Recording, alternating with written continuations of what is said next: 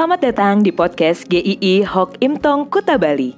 Penginjil Ray Reginaldi akan membagikan renungan harian singkat untuk membawa Anda mengenal dan menyembah Tuhan Yesus, bertumbuh dan menjadi murid Kristus, serta berdampak untuk banyak orang.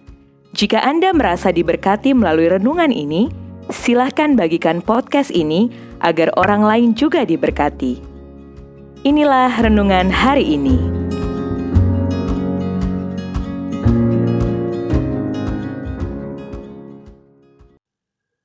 Kasihnya Tuhan. Yohanes 20 ayat 24 sampai 29. Seandainya kita punya uang satu miliar, lalu kita kehilangan uang seribu rupiah. Apakah kita akan panik dan kelabakan? Sepertinya tidak.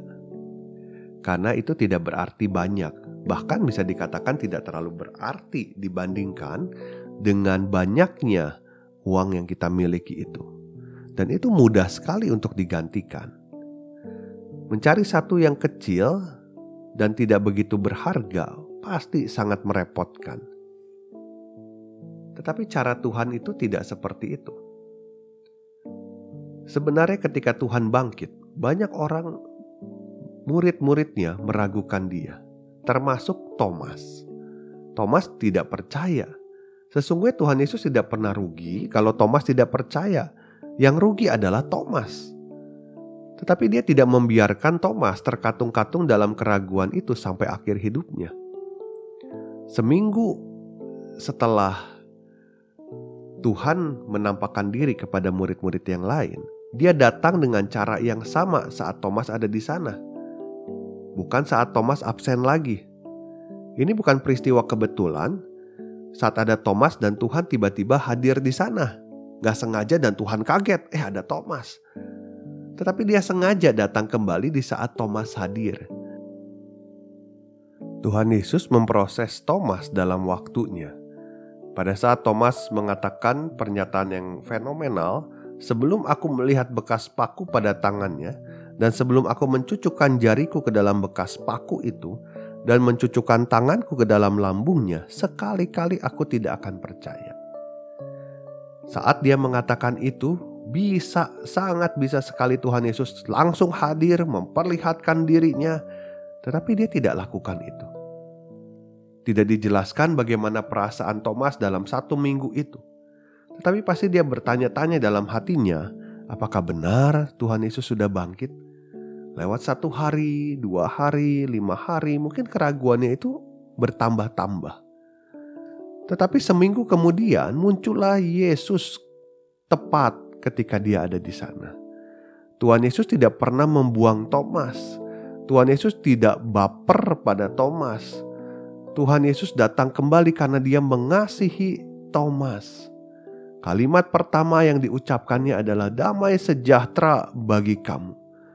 Dia datang membawa damai sejahtera. Dia tidak menghukum Thomas, dia tidak mencelaknya.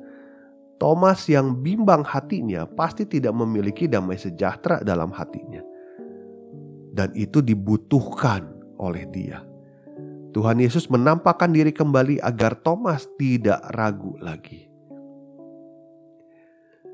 Tuhan Yesus sungguh-sungguh mengasihi kita.